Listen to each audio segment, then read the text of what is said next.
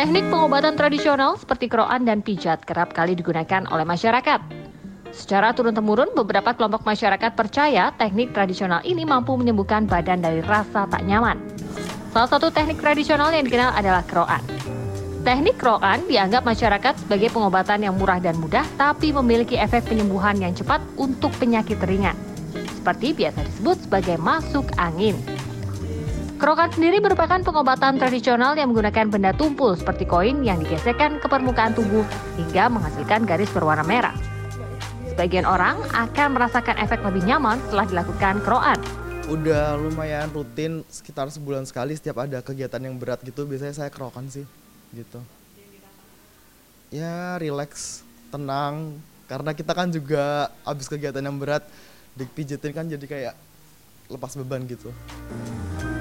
Secara medis, teknik krok bukan termasuk layanan atau tindakan medik. Menurut dokter spesialis penyakit dalam RSUD Sawah Besar Jakarta Pusat Andi Komeni Takdir Haruni, dalam ilmu medis kerokan memiliki manfaat medis yang minim. Rasa nyaman yang timbul setelah kerokan merupakan sugesti semata. Warna merah bekas kerokan sebenarnya adalah pembuluh darah kapiler yang pecah di permukaan kulit. Pada orang yang memiliki riwayat penyakit tertentu, luka pada bekas krok ini justru bisa menjadi bahaya karena rawan infeksi. Kalau terlalu dalam, ini bukan cuma bukan karena frekuensinya ya.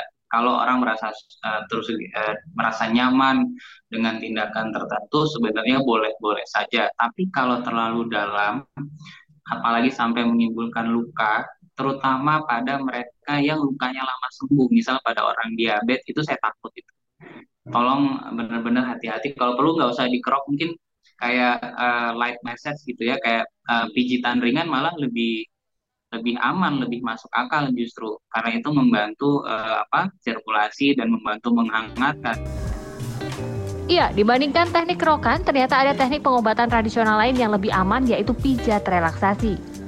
Pijatan ini dianggap memiliki manfaat yang baik secara medis untuk tubuh karena dapat melancarkan sirkulasi darah. Tekanan dan urutan ringan pada tubuh akan membuat otot yang tegang menjadi lebih rileks. Ya, untuk kaku leher itu biasanya uh, dari aktivitasnya sih uh-huh. sering kayak aktivitas berat, uh, bebannya berat, berat atau angkat-angkat itu. Uh-huh. Nah, untuk titik-titiknya bisa kayak di sini.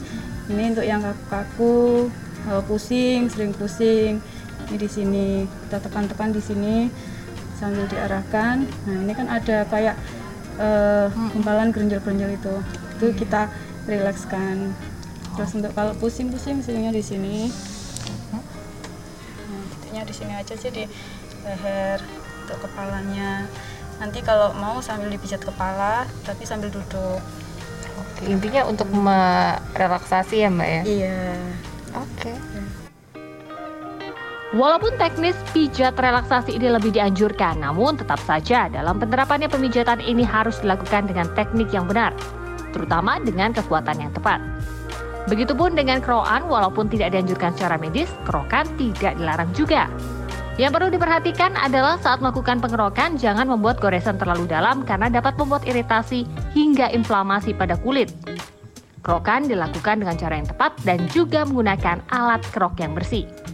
Kia Clarissa, Heru Sudarmanto, Surabaya, Jawa Timur.